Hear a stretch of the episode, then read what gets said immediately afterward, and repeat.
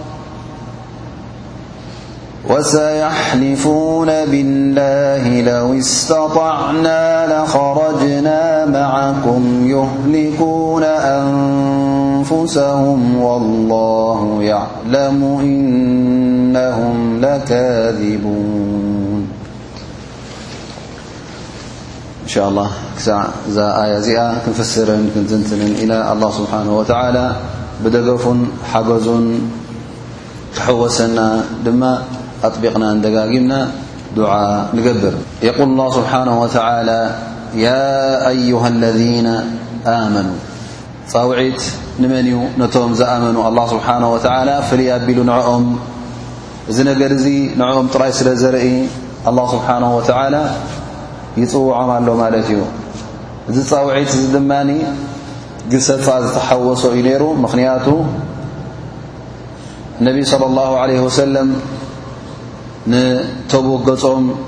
ክወሩ ኸዱ ከለዉ ቐዝወት ተቡክ ገለ ሰባት ካብዚ ክተት ምስ ተባህለ ካብዚ ክተት እዚ ዝተረፉ ስለ ዝነበሩ ምኽንያቱ እቲ ግዜ ግዜ ሓጋይ ሓያል ፀሓይ ሓያል ሃሩር ስለ ዝነበረ ንምገሻ ኣብቲ ሰዓት እዚ ንክትገይሽ ብጣዕሚ ኣድካምን ብጣዕሚ ኣሸጋርን ስለ ዝነበረ እቶም ሓያል ኢማን ዘይነበሮም እቶም ፎኪስ ኢማን ዝነበሮም ብዝያዳ ድማ እቶም ሙናፍቒን ዝነበሩ ነብሶም ተሪፎም ንኻልኦት እውን ንኸትርፉ ክኢሎም ማለት እዩ ምኽንያቱ ሽግር ናይ ስንቂ ኣሎ ማለት እዩ ክትገይሽ ከለኻ ውሕደት ናይ ማይ ኣሎ ምኽንያቱ ግዜ ሓጋይ ስለ ዝኾነ ማይ የለን ብዙሕ ማይ እውን የድልየካ እዩ መብዙሕ ኣብቲ ግዜ እቲ ግዜ መገሻ ስለ ዘይነበረ እቲ ልሙድ ዝነበረ እንታይ እዩ ኣብ ግዜ ሓጋይ ክኸውን ከሎ ሃሩ ክብርትዕ እንከሎ ኣብ መዲና ዝነበሩ ኩሎም ኣብኡ ኣብ ዓዶም እዮም ዘሕልፍዎ ነይሮም ምኽንያቱ መዲና ጀራዲን ስለ ዝነበራ ናይ ተምሪ ግዜ እታው ተምሪ ዝኣትወሉ እውን ግዜ ስለ ዝኾነ ከምኡ ውን ካልእ ዓይነት ፍሩታ ውን ነይርዋ እዚ ሰዓት እዚ ናይ ፍሩታን ናይ ዕረፍትን ግዜ እዩ ነይሩ ማለት እዩ ግን ኣነቢ صለ ላሁ ለ ወሰለም ኣብዚ ሰዓት እዚ ክትክተት ምስ በሉ ብዙሓት ካብዚ ፃውዒት እዚ ዝተረፉ ስለ ዝነበሩ ኣላ ስብሓን ወተዓላ ነዞም ዝተረፉ ነዞም ንድሕሪት ዘሓርሓሩ ሰባት ኣላ ስብሓን ወተዓላ ስለምንታይ ትእዛዝ ኣላህ ስለምንታይ ትእዛዝ ነቢ ሙሓመድ صለ ላሁ ዓለ ወሰለም ዘይሰማዕኩም ስለምንታይ ኣድሓርሕርኩም ኢሉ ኣላ ስብሓን ወተዓላ ነቶም ኣመንቲ ኣብዛ ኣያ እዚኣ ይወቕሶም ኣሎ ማለት እዩ ያ ኣዩሃ ለذነ ኣመኑ ከምቲ ግቡ ኣንቱም ዝኣመንኩም እቲ ኢማንኩም ዝብለኩም ክትሰርሑ እዩ ዘለኩም ኢማን ዘለዎ ሰብ ብኣላ ስብሓን ወተዓላ ዝኣመነ ብነቢና ምሓመድ ለ ላሁ ለ ወሰለም ዝኣመነ ዝኾነ ይኹን ትእዛዝ ካብ ኣላ ስብሓን ወተላ ካብ ነቢና ሙሓመድ ለ ላ ለ ሰለም ክመሓላለፍ ከሎ ብቐጥታ ኣብ ግብሪ ከተውዕሉ እዩ ዘለኩም ምኽንያቱ ምልክት ናይ ኢማንኩም እንታይ እዩ ትእዛዝ ኣላ ስብሓን ወተላ ብምእዛዝ ምስማዕኩም ምእዘዛ ነቢ ሙሓመድ ለ ላ ለ ወሰለም ምትግባርኩም እዩ ነይሩ ل الله سبحانه وتعالى ما لكم نت نكم م إذا قيل لكم انفروا في سبيل الله الثاقلتم إلى الأرض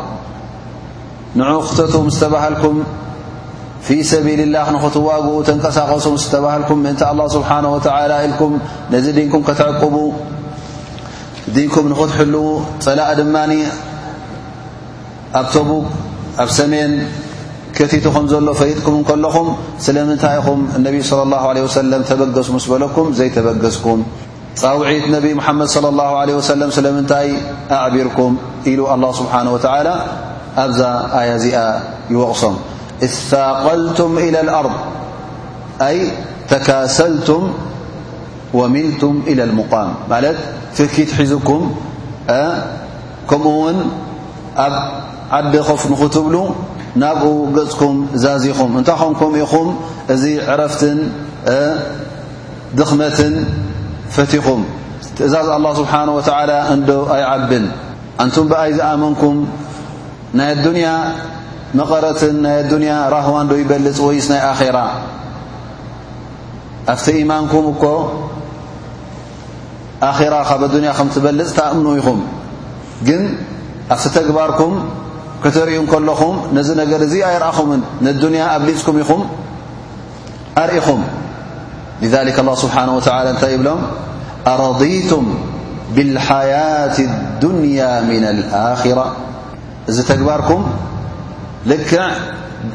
በዱንያ ዝረደኹምን ዝፈተኹምን እዩ ዝመስል ዘሎ ንኣኼራ ውን ዝገደፍኩምን ዝረሳዕኩምን እዩ ዝመስል ዘሎ ልክዕ ከም ንዱንያ ጥራይ ዝመረጽኩም ኢኹም ትመስሉ ዘለኹም ኣላህ ስብሓን ወተዓላ ንዑ ተቓለሱ ንዑ ክተቱ ክብለኩም እንከሎ ንዓኹም ዝበልፅን ንዓኹም ዝኸውንን ስለ ዝፈለጠ እዩ ደኣ እምበር ካልእ ኣይኮነን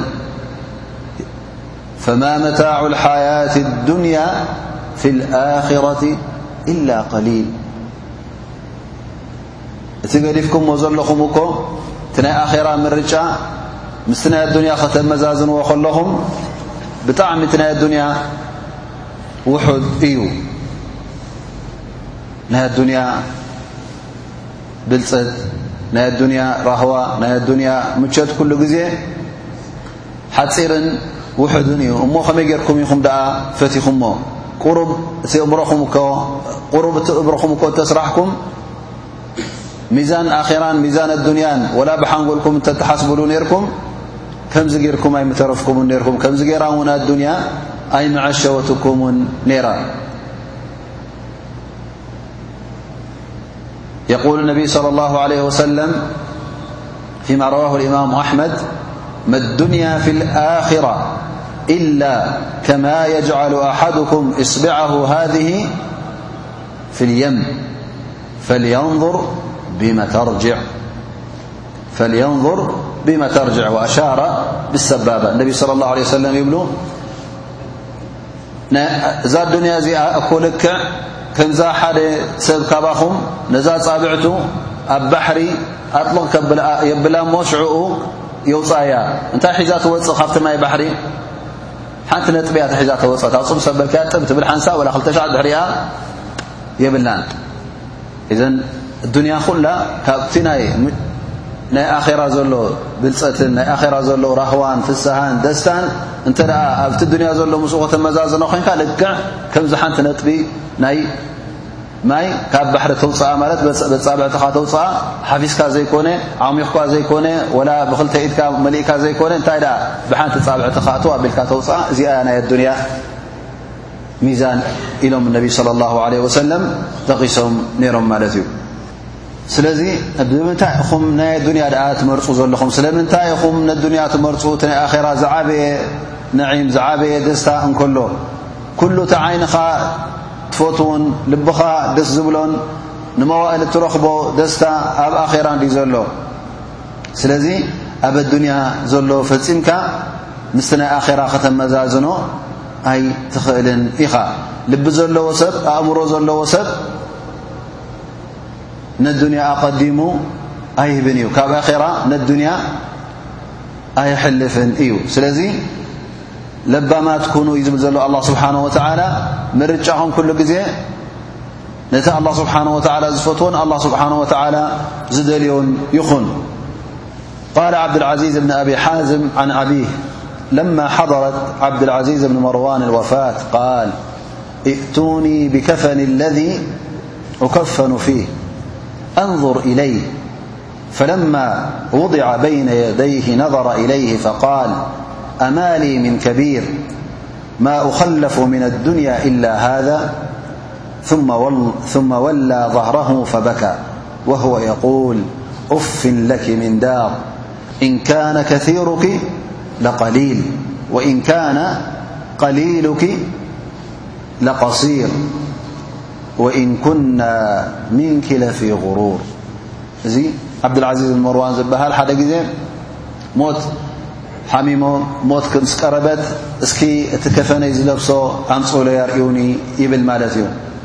እሶም ከኣ እቶም ደቁ የምጽሉ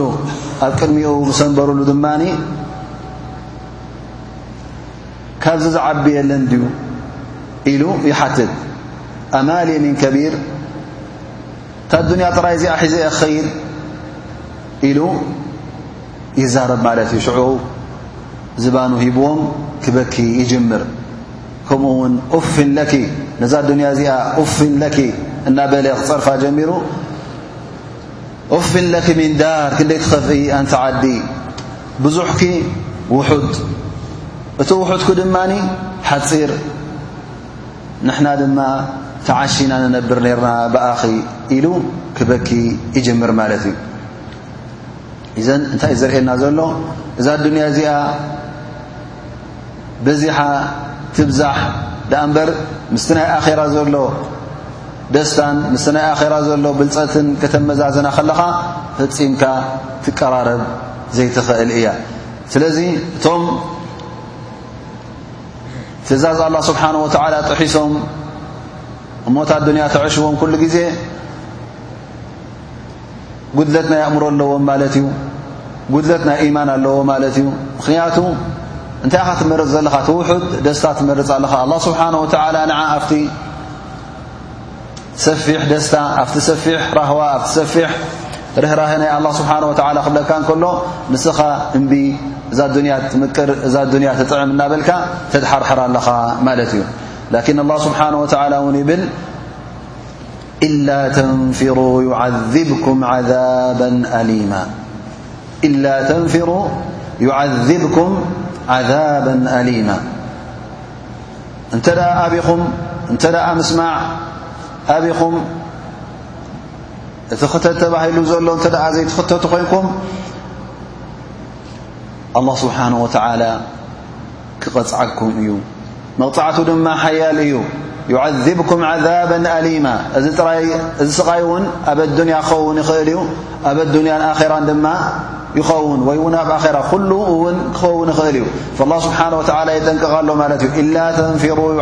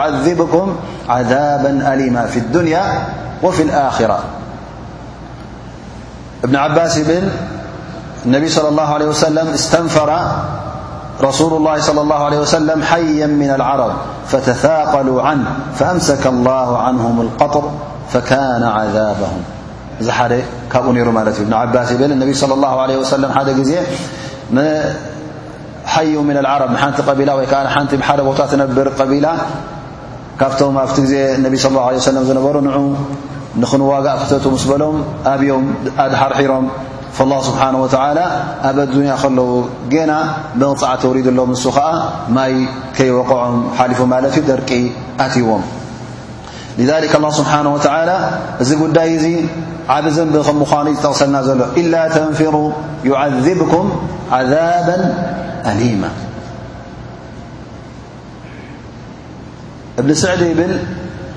እንተ ሓደ ሰብ ፊ ሓለት ነፊር እቲ መራሒ ኢማም ሙስልሚን ክተት ምስ በሎ እንተ ኣብዩ እዚ ሰብ እዚ ዓብ ዘንቢ እዩ ዝፍፅም ዘሎ ምኽንያቱ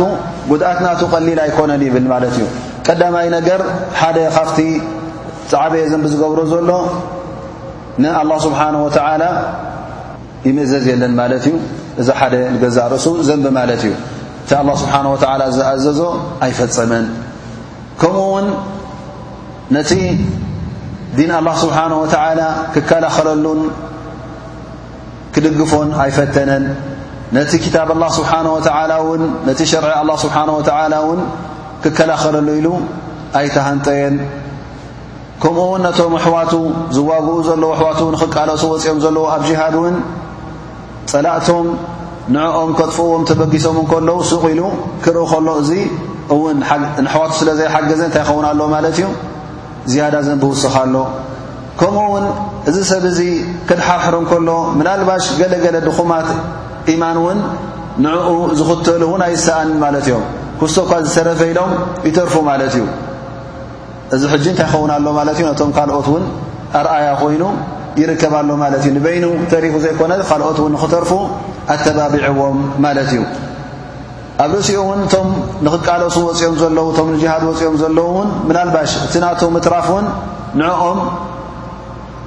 ከሰናኽሎም ይኽእል ከዳኽሞም እውን ይኽእል እዩ ገለገለ ካብኣቶም እውን ድኹማት ኢማ እንተ ኣለዉ ኮይኖም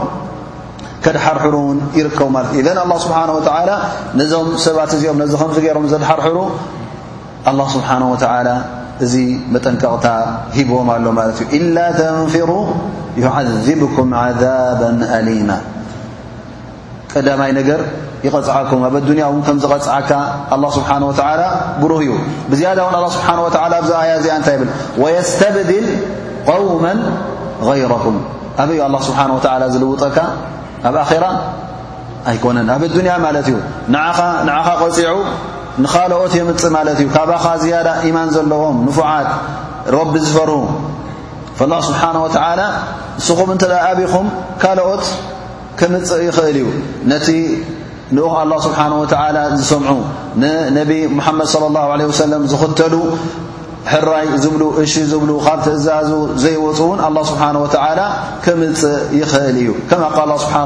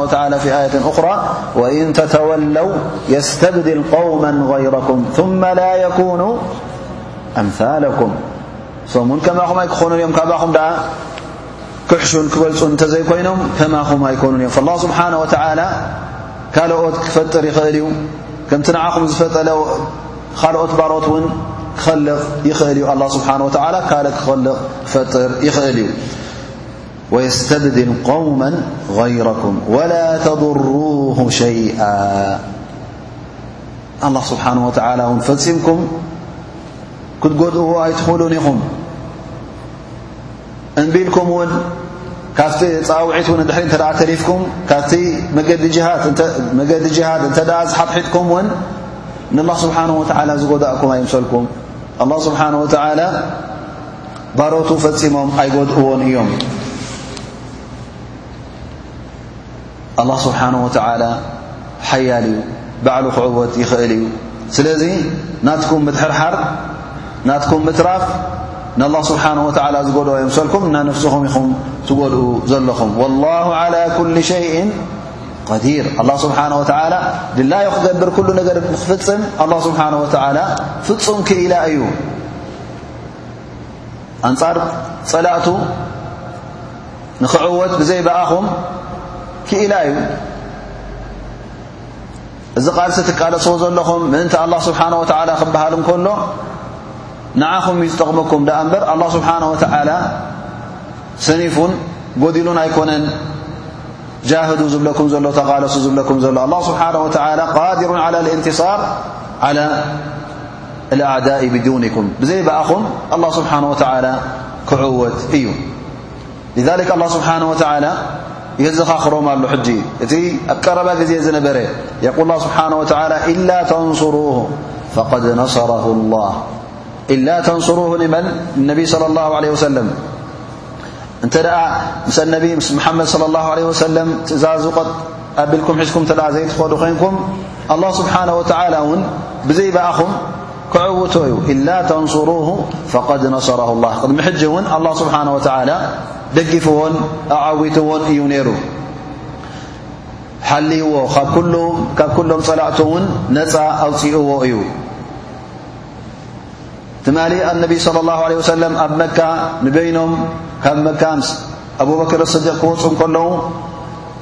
ቁሬሽ ኩላ ተኣኻኺባ ንነቢ መሓመድ صለ ላሁ ዓለ ወሰለም ንኽትሕዞ ወይ ንኽትቀትሎን ንኽትኣስሮን ፈኪራ ነይራ ማለት እዩ ነዚ ነገር እዚ ንምትግባር እውን ኣጓብዝ መሪፃ ግን ኣላ ስብሓን ወተዓላ ንነቢና ሙሓመድ ምስ ኣቡበክር ስዲቅ ንኽልቲኦም ነዚ ዓርኮም እዙ ሒዞም ብሰላም ክወፁ ክኢሎም ካብ መካ ወፂኦም ኣብ ር ቶር ሰለስተ መዓልቲ ምስ ቀነዩ ድሕሪኡ እውን ጉዕዞኦም ቀፂሎም እዮም ስለዚ ክኸዱ ከለዉ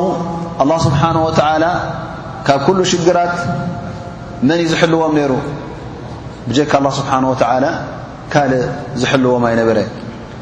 ሰይፍ ኣይነበረ ምስኦም ብረት ኣይነበረ ምስኦም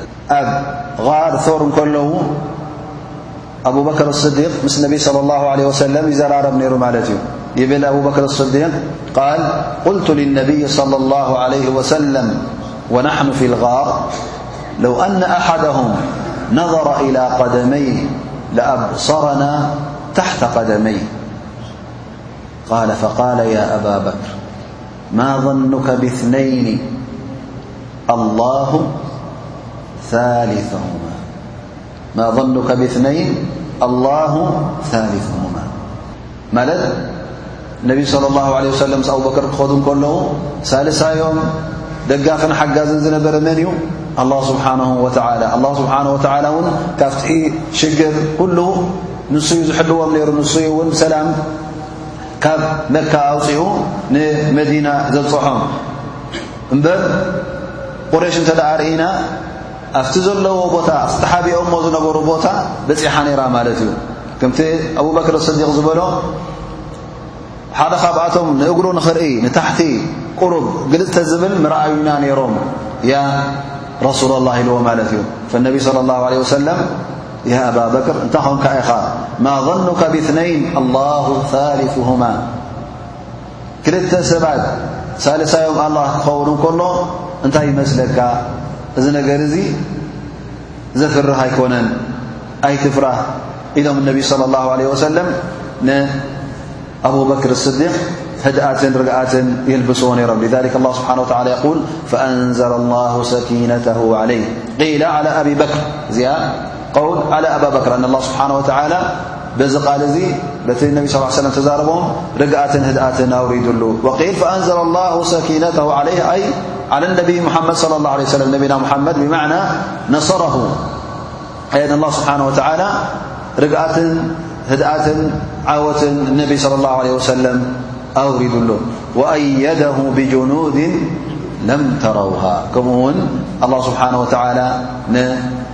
ሰይድና ሙሓመድ ኣብዚ ጉዕዞኦም እዚ ብዘይ ረኣይዎም ቁሬሽ ዘይረኣየቶም ኩሉ ሰብ ዘይረኣዮም ሰራዊት ብመላእካ ገይሩ ኣላ ስብሓን ወተዓላ ከም ዝሓለዎምን ከም ዝደገፎምን የብርህ ማለት እዩ ወኣየደሁ ብጅኑድ ለም ተረውሃ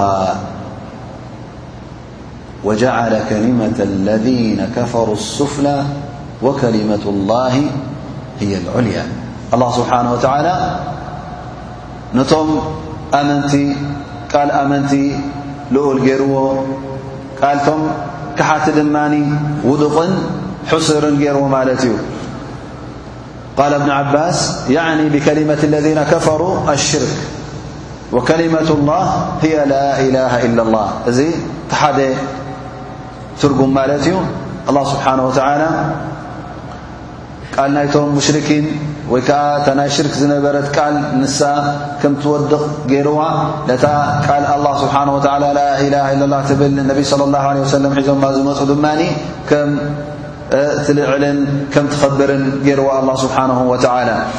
ወቂል እቲ ፈኸራ ናይቶም ሙሽርኪን ኣላ ስብሓን ወተዓላ ሕሱርን ውዱቕን ገይርዎ ምኽንያቱ እንታይ እዮም ፈኪሮም ነይሮም እዞም ሙሽርኪን እዚኦም ንሶም ንኽዕወቱ ድላዮም ንኽፍጽሙ ንነቢ ስለ ላሁ ዓለ ወሰለም ክኣስርዎም ክሕዝዎም ክቐትልዎም እዮም ፈኪሮም ነይሮም። እዚ ፈኸራ እዚ ሕጂ እንታይ ኮይኑ ማለት እዩ በኺኑን ወዲቑን ማለት እዩ። እቲ ኣላህ ስብሓን ወተዓላ ዝደልዮ ድማ ዓወት ነቢና ሙሓመድ ለ ላሁ ለ ወሰለም ብነፃ ንክወፅእ ካብዛ ቦታ እዚኣ ኣላ ስብሓን ወተዓላ ዝበሎ ኾይኑ ማለት እዩ። ስለዚ ዓወት ክጥቀስ እንከሎ ክልተ ዓይነት ዓወት እዩ ሓደ ዓይነት ዓወት ንጸላኢኻ ገጢምካ ንስኻ ክትወሮ ከለኻ ኣላ ስብሓን ወተዓላ ንባረቱ ደጊፉ ዓወት ክጎናጸፉ ከለዉ እዚ ሕጂ ሓደ ዓወት ማለት እዩ ውራ ፈጺምካ ጸላኢኻ ክተጥቅዖ ከለኻ ኣላ ስብሓን ወተዓላ ብደገፉ ክዕኡ ክዐውተካ እንከሎ ኣንጻር ጸላኢኻ እዚ ሓደ ዓወት እዩ ኻልኣይ ዓወት ድማ ኣብ ግዜ ድኽመትካን ኣብ ግዜ ውሕደትካን ጸላእውን ሓይልን ብረትን ካብኻ ላዕሊ እንከለዎ ንስኻ ሕጂ ካብኡ ክትፈርህ እንከለኻ ኣላ ስብሓን ወተዓላ እውን ካብቲ መጻወድያ ገይሩልካ ዘሎ ጸላኢኻ ካብኡ ብሰላም ከውጻካ እንከሎ እዚ እውን ካልኣይ ዓወት እዩ ማለት እዩ። እዚ እቲ ዓወት ድማ ነቢ صለ ላሁ ለ ወሰለም ኣብዚ ጉዳይ እዚ ተዓወትዎ ወይ ከዓ ኣብዚ ጉዕዞኦም እዚ እተዓወትዎ እዚ ዓወት እዚ እውን ዝበለፀ ዓወት ክኸውን ይኽእል ማለት እዩ ምኽንያቱ ኣብ ግዜ ድኽመትካን ኣብ ግዜ ስንፈትካን ፀላኢኻ በብዓይነቱ ብረታት በብዓይነቱ ሓይልታት ሒዙ ከሎ ንኽሕዘካ ቀሊልን ፈኲስን እናመሰሎ ከሎ ኣላ ስብሓን ወተዓላ ካብዚ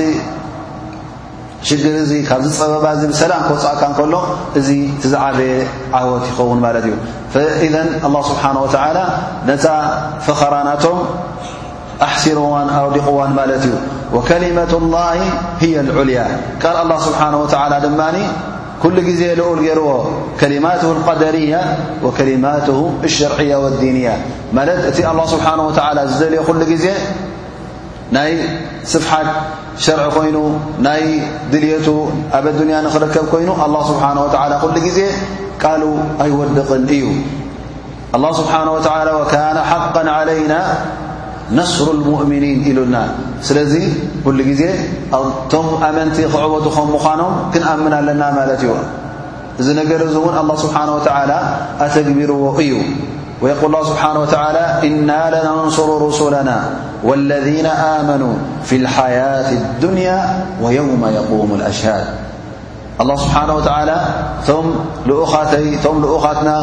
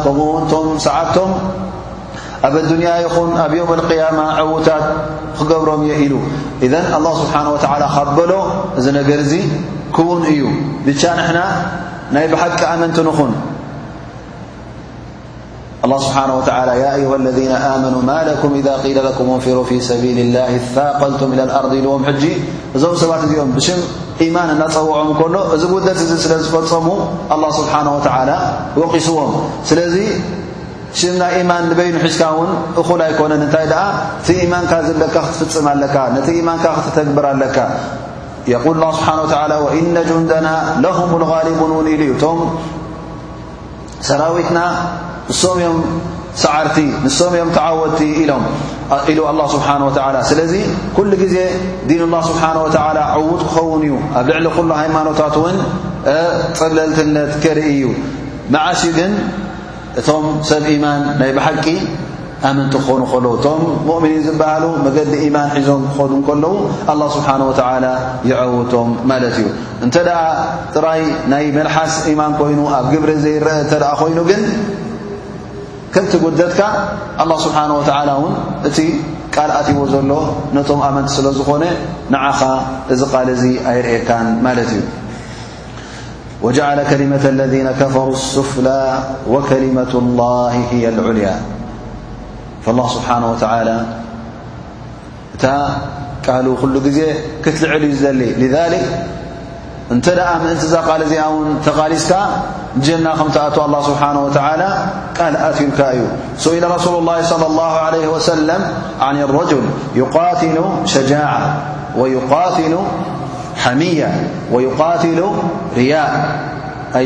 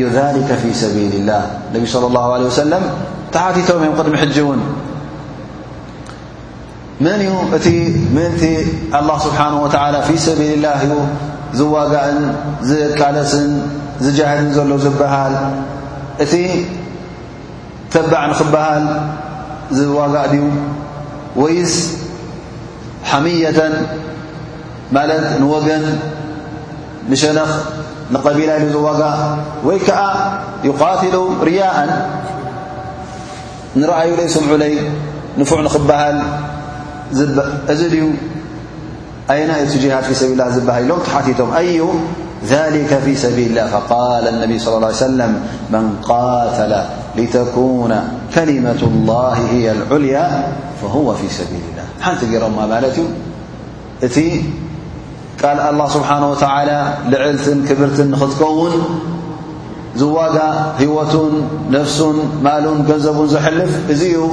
ፊ ሰቢል ላህ ምእንቲ ኣላ ስብሓን ወተላ ተዋግኡ ዝበሃል ዳኣ እምበር ካልእ ፈፂሙ ምእንቲ ኣላ ዝዋጋእ ኣይበሃልን እዩ ፊ ሰቢል ላ እውን ኣይበሃልን እዩ እቲ ኩሉ ተጠቕሰ ሓንቲ እያ እታ ፊ ሰቢል ላ ተብለካ ንሳ ኸዓ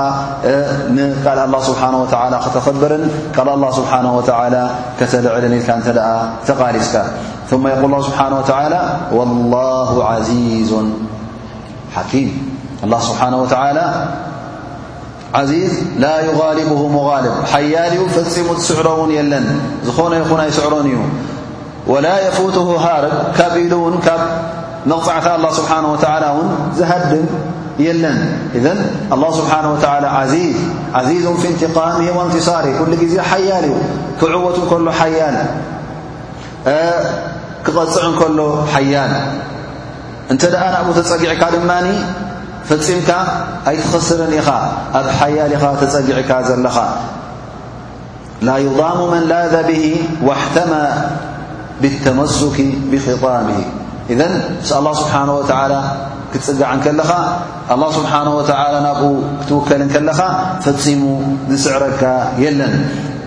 ወላሁ ዓዚዙ ሓኪም ሓኪሙ ፊ ኣቅዋልሂ ሓኪሙ ፊ ኣፍዓሊ ኣላ ስብሓን ወተዓላ ጥበበኛ እዩ ኣብ ኩሉ ዝገብሮን ኣብ ኩሉ ዝብሎን ኣላ ስብሓን ወተዓላ ብጥበብ እዩ ዝብሎ ሊዛሊክ ኣላ ስብሓን ወተዓላ ዝኾነ ይኹን ነገር ነናቱ እዩ ዝቦ ምናልባሽ እውን እንተ ደኣ ዓወት ኣደንጉዎ ካብቶም ባሮቱ እንተ ደኣ ኣብቲ ዝደልዎ ሰዓት ዓወት ዘይተረኽበ እዚ ክገብር እንከሎ ንጥበብ እዩ ገይርዎ ማለት እዩ ስለዚ እንታ ኮይኑ ዓወት ደንጉይውን ኢልካ ክትሽገር የብልካን እንታ ኮይኑ ኣላ ስብሓን ወተዓላ ንሕናስ ኣብ ከምዚ ከምዚ መድረኽ በፂሕና እዚ ኩሉ ገይርና ኣላ ስብሓን ወተዓላ ዘይዐወተና ኢልካ ክትሓስብ የብልካን ምኽንያቱ ኣላ ስብሓን ወተዓላ እቲ ዓወት ኣበይ ከም ዝሓይሽ መዓስ ከም ዝኸውን ንሱ እዩ ዝፈልጦ ንዓኻ ዘይመዐወቲኻ እውን ምናልባሽ ካልእ ዓይነት ንስኻ ዘይትፈልጦ ጥቕምን ረብሓን ኣሎ ኸውን ንዓኻ ኣብ ኣዱንያ ይኹን ኣብ ኣኼራ ይኹን ንዓኻ ብዝያዳ ዝጠቅም ውን ክኸውን ይኽእል እዩ ስለዚ ኣላ ስብሓን ወተዓላ ዓዚዙን ሓኪም ኣ ስብሓ ሓያል እዩ ኩሉ ዝገብሮ እውን ብጥበብ እዩ ዝገብሮ እዛ ኣያ እዚኣ ይብሉ ዑለማ ثንያ ነይን ኢዝ ሁማ ፊ ልغር ክብል ከሎ ኣላ ስብሓን ወተዓላ እንታይ ዘርእና ዘሎ ب ي سيدنا أبيبكر الصديق بحلف أ آي ون تتقس لت ي مس النبي صلى الله عليه وسلم و كلم بل ين مكان مدينة كم تجعز ي زرن ل ل ب العلماء من أنكر صحبة أبي بكر لنبي صلى الله عليه وسلم في هجرته يعد كافرا سلمنتي لأنه منكر بما ذكر في القرآن እዚ ሕጂ ሓደ ዓብዪ ብልፀት ናይ ሰይድና ኣብበክር ስዲቅ እዩ ምስ ነቢ ለ ላ ለ ወሰለም ከም ዝነበረ ስለዚ ካብቶም ብሉፃት ሰዓብቱ ሓደ ካብቶም ፍትዋት ብፆቱ ከም ዝነበረ እውን ይርእየና ማለት እዩ ከምኡ ውን እዛ ኣያ እዚኣ እንታይ ተርእየና ምን ተማም ኒዕመት ላ ስብሓና ወተላ ካብቲ ምሉእ ሽሻይ ኣላህ ስብሓነሁ ወተዓላ ሓደ ሰብ ሰኪና ክረክብ እንከሎ ህድኣት ርግኣት ክወርዶ እንከሎ ሽግር ጸበባ ኣብቲ ዝርከበሉ ሰዓት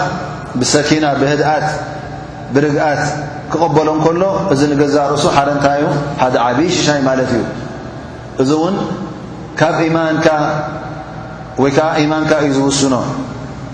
ስለዚ ኢማንካ ብርቱዕ ክኸውን ከሎ ጽቡቕ ሓያል ክኸውን ከሎ ኩሉ ግዜ ወላ ዘጓነፈካ ሽግር የጓንፍካ ነዚ ሽግር እዚ ብኢማን ስለ ተቐበሎ ኩሉ ግዜ ርግኣትን ህድኣትን ኢ ኸዓ ትርኢ ማለት እዩ ስለዚ እዚ ሰብ እዚ ዝበዓል ኢማን ኣላ ስብሓን ወተዓላ ከም ዝዐውቶ ስለ ዝፈልጥ ዓወት እውን ኣብ ኢድ ኣላ ስብሓን ወተዓላ ከም ምዃኑ ስለ ዝኣምን ንሱ እውን ናብ ሓያል ናብ ኣላ ስብሓን ወተዓላ ብሓቂ ከም ትጸግዐ እንተ ደኣ ፈልጣ ኮይኑ ታልቡ ፈጺሙ ካብዚ ርግኣት እዙ ካብዚ ህድኣት እዙ ፈልከት ኣይብልን እዩ ወላ እውን ገለገለ ኢማን ዘለዎም ሰብ እቲ ከም ዝኣመሰለ ጉዳያት የጓንፎም ኸውን ምናልባሽ እውን ሓንሳእ ሓንሳእ ከምቲ ነቢ ስለ ላሁ ለ ወሰለም ነሰይድና ኣቡበክር ኣስዲቕ ላታሕዘን ዝበልዎ ቁሩብ ሽገር ዝነበረ ሓድሓደ ግዜ እውን ሽግር የጓንፍካ ደኣ እምበር ግን ናበይ ክትምለስ ኣለካ እዚ ሽግር እዚ ከጓንፈካ ከሎ እዚ ጓሂ እዚ ሓዘን እንተ ደኣ ክመፀካ ጀሚሩ ናብቲ ኢማንካ ተመለስ ናብቲ ርግኣትካ እውን ተመለስ ምኽንያቱ ኣላ ስብሓን ወተዓላ ክድግፈካን ክሕግዘካን እዩ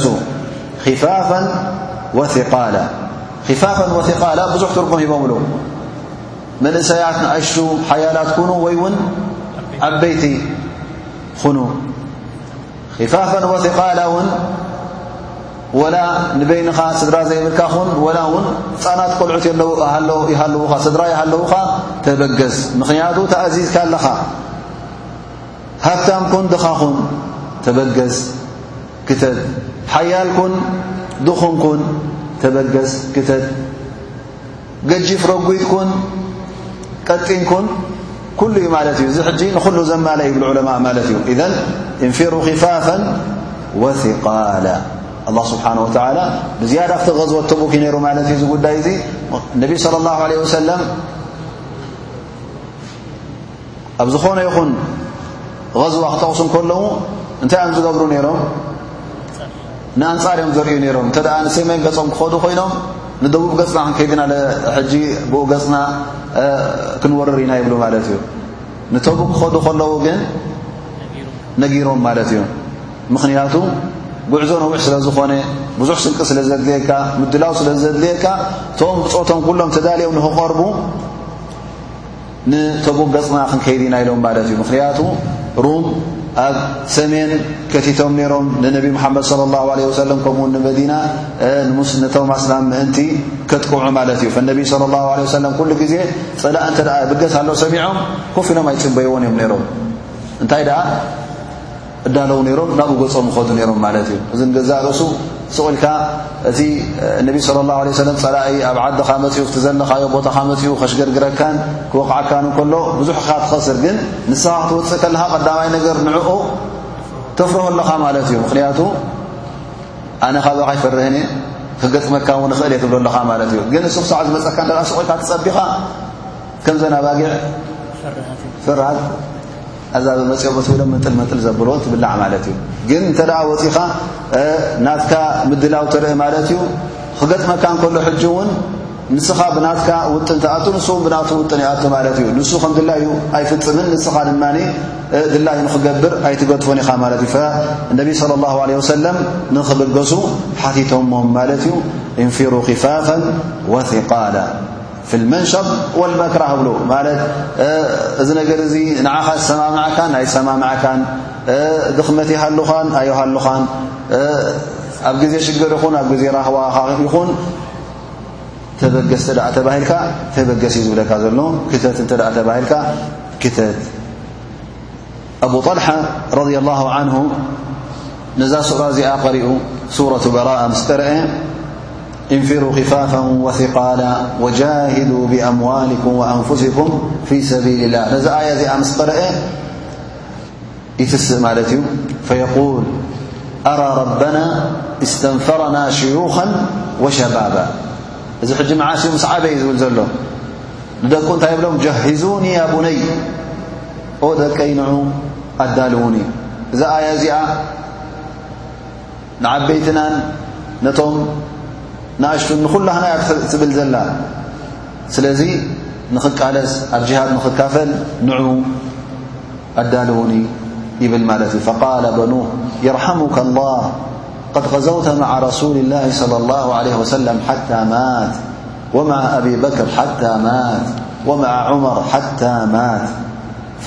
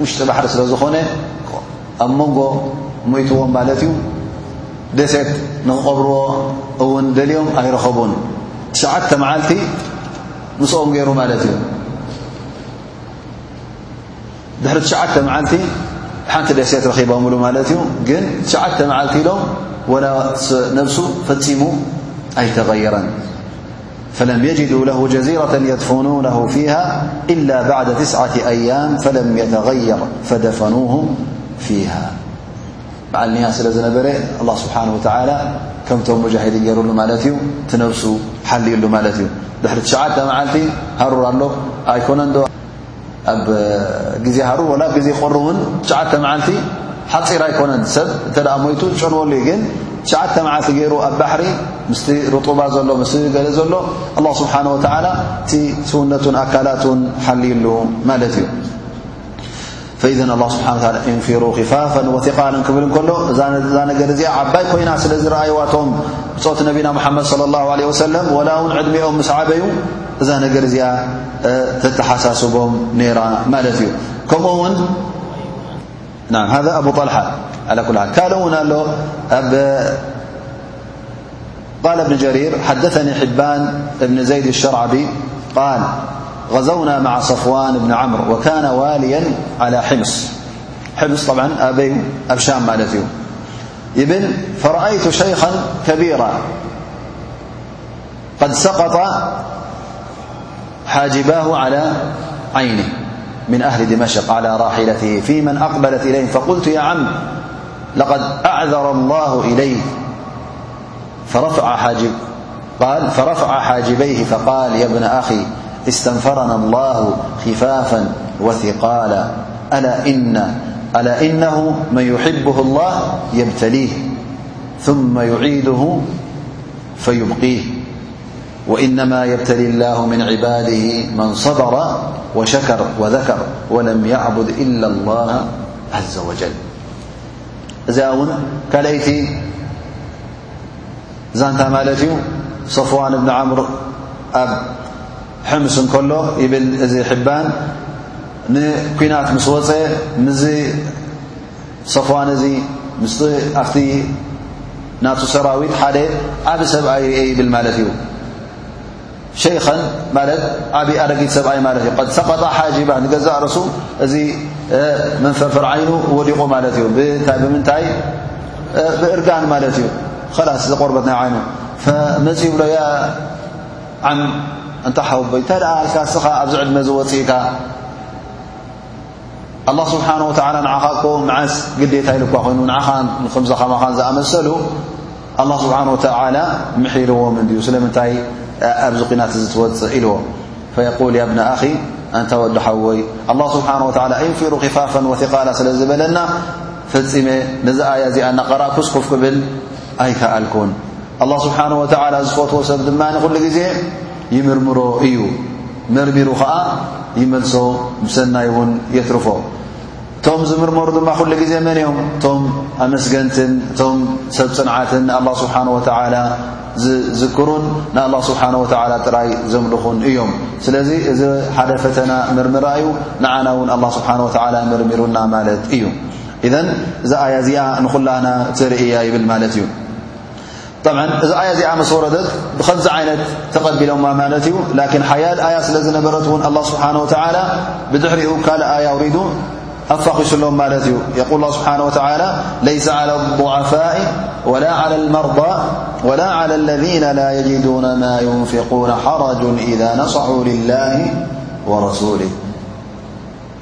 እዛ ኣያ እዚኣ ግን እቶም ሕሙማት ድኹማትን እቶም ክእለት ዘይብሎም ኣላ ስብሓን ወተላ ከም ዝመሓሮ እውን ዳሕራይ እዛ ኣያ እዚ ኣውሪዱ ላኪን ኣብ መጀመርያ ኣብቲ ግዜ እቲ ብዝያዳ ኣብቲ ቐዝወ ተቡክ ከሎ ኣላ ስብሓን ወተላ ኩሉኹም ተበገሱ ኢልዎም ማለት እዩ ንዓብ ንንእሽተይ ንሓያል ንድኹም ከይበለ ኩሎም ክካፈሉ ከም ዘለዎም ማለት እዩ እንፊሩ ክፋፋ ወትቃላ ወጃሂዱ ብኣምዋልኩም ወኣንፍስኩም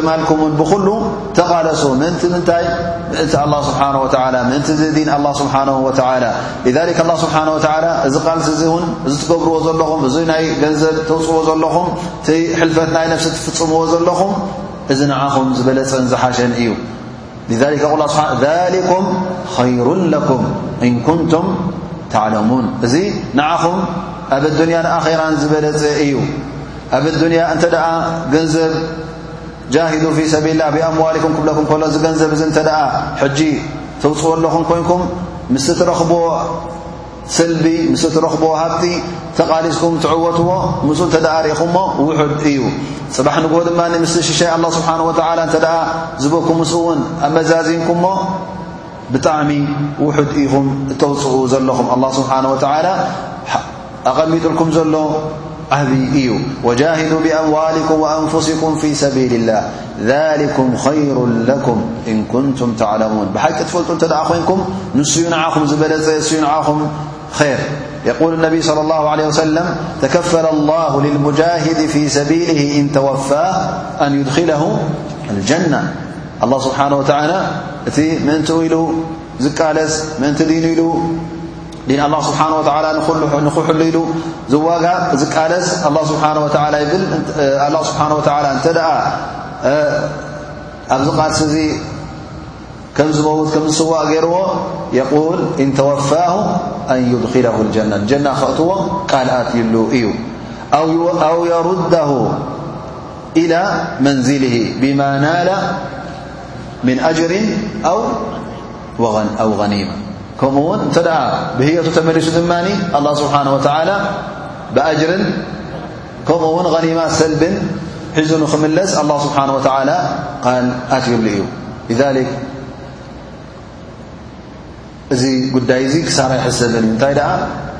መኽሰብ እዩ ዝብል ዘሎ ኣላ ስብሓን ወተላ ኣን ሊኩም ኸይሩ ለኩም ክብለካ እንከሎ ኣብ ኣዱንያ ናብ ኣኼራ ንር ከም ዘለዎ እንተ ደኣ ሞትካ ጀና ትረኽበሉ እንተ ደኣ ነቢርካ ድማ ናይ ኣዱንያ ገንዘብ ሰልቢ ትረኽቦ ዓወት ትረክብ ኣብ ርእሲኡ ድማ ኣጅሪ ኣለካ ማለት እዩ ንፅባሕ ንግ ኣብ ዮም ቅያማ ዝጠቕመካ ግን ከምቲ ኣላ ስብሓን ወተላ ዝበሎ ኩትባ ዓለይኩም ልቅታሉ ወሁዋ ኩርሁን ለኩም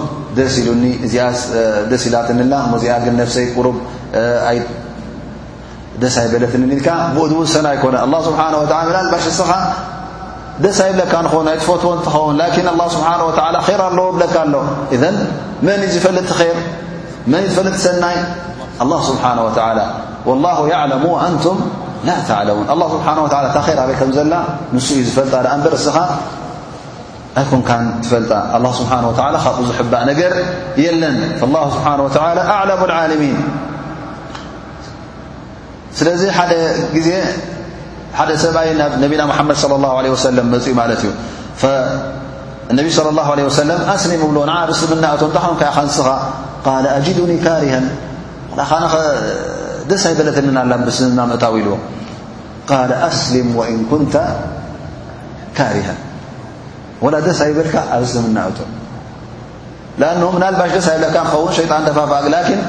ላሁ ያዕለሙ ኣንቱም ላ ተዕለሙን ኩሉ ግዜ ወዲ ሰብ ደስ ዝብሎ እንተ ደኣ ገይሩ ሃል ኩሉ ደስ ዝብለካ ናብ ኸይር እዩ ዝመርሓካ ኣያ ስብሒ ደቅስ ደቅስ እያ ትብለካ ነብስኻ ስብሒ ተሳ እይ ትብለካን እያ ላኪን እቲ ኸይር ትርስዖ ኣለኻ ማለት እዩ ስለዚ ረሲዕካ ትድቅስ ማለት እዩ እቲ ንዓኻ ዝጠቅም ትገድፍ ኣለኻ ኢዘን ኩሉ ግዜ ንሕና እቲ ወዲ ሰብ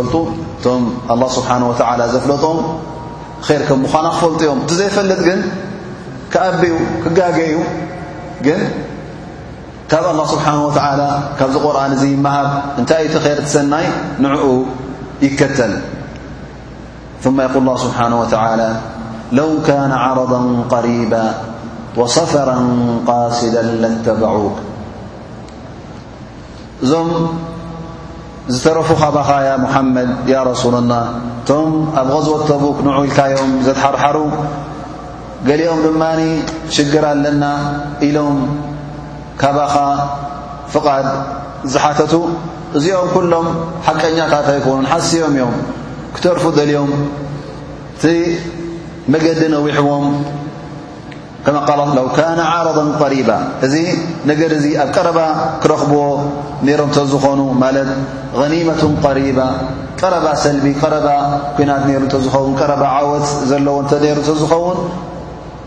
ምሰዓቡኻ ነይሮም ኣው ሰፈረን ቃሲዳ ከምኡ ውን እቲ መገሻ ቀረባ ነይሩ እተዝኸውን እውን ምሰዓቡኻ ነይሮም ግን ተቡክ ገጾም ንንዮ ኣርሒቖም ክኸዱ ስለ ዝኾኑ እዚ መገሻ እዚ ንወርሒ ዝወስድ ክሳዕ በፅሖም ዝምለሱ እውን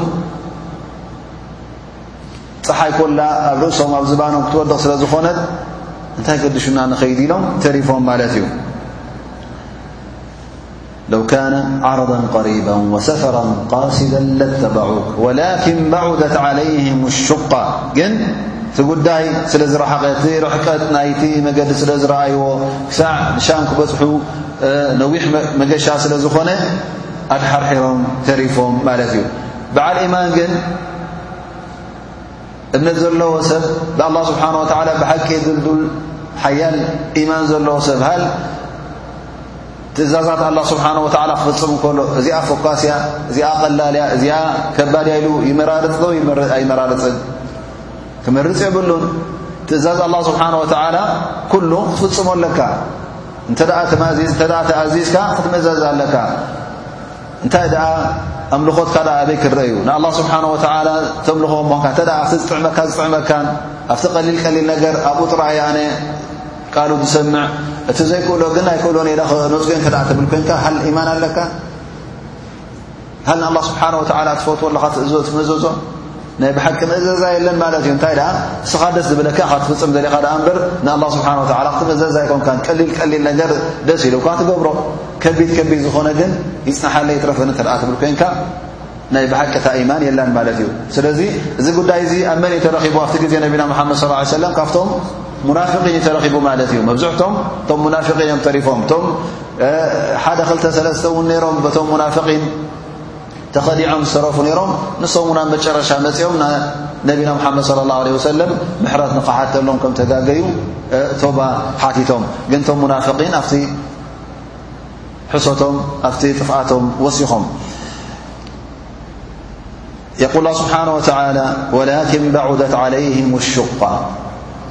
ወሰያሕሊፉነ ብላህ እንደገና እዞም ሰባት እዚኦም እውን ምስ ተመለስኩም ያ ሙሓመድ ካብቲ ኲናት ካብ ቕዝወት ተቡክ ምስ ተመለስኩም እንታይ ክገብሩ እዮም ክምሕሉ ክመፁ እዮም ክምሕሉ ያ ረሱላ ላህ ንሕና ወላሂ እተዝጥዕመና ነይሩ ምኸድና ነርና ምሳኻ ምመፃእና ነርና ምተዋጋእና ነርና ግን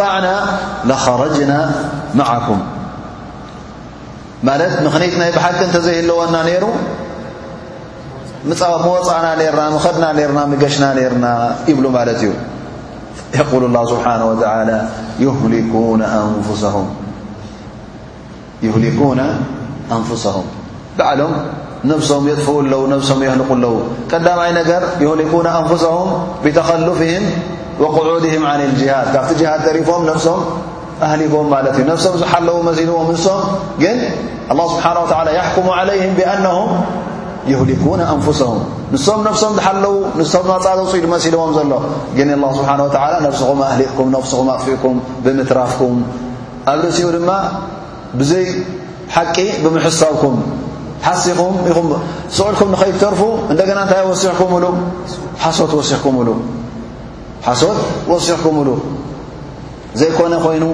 ዘይነበረ ነይሩ ኢልኩም ባዕልኹም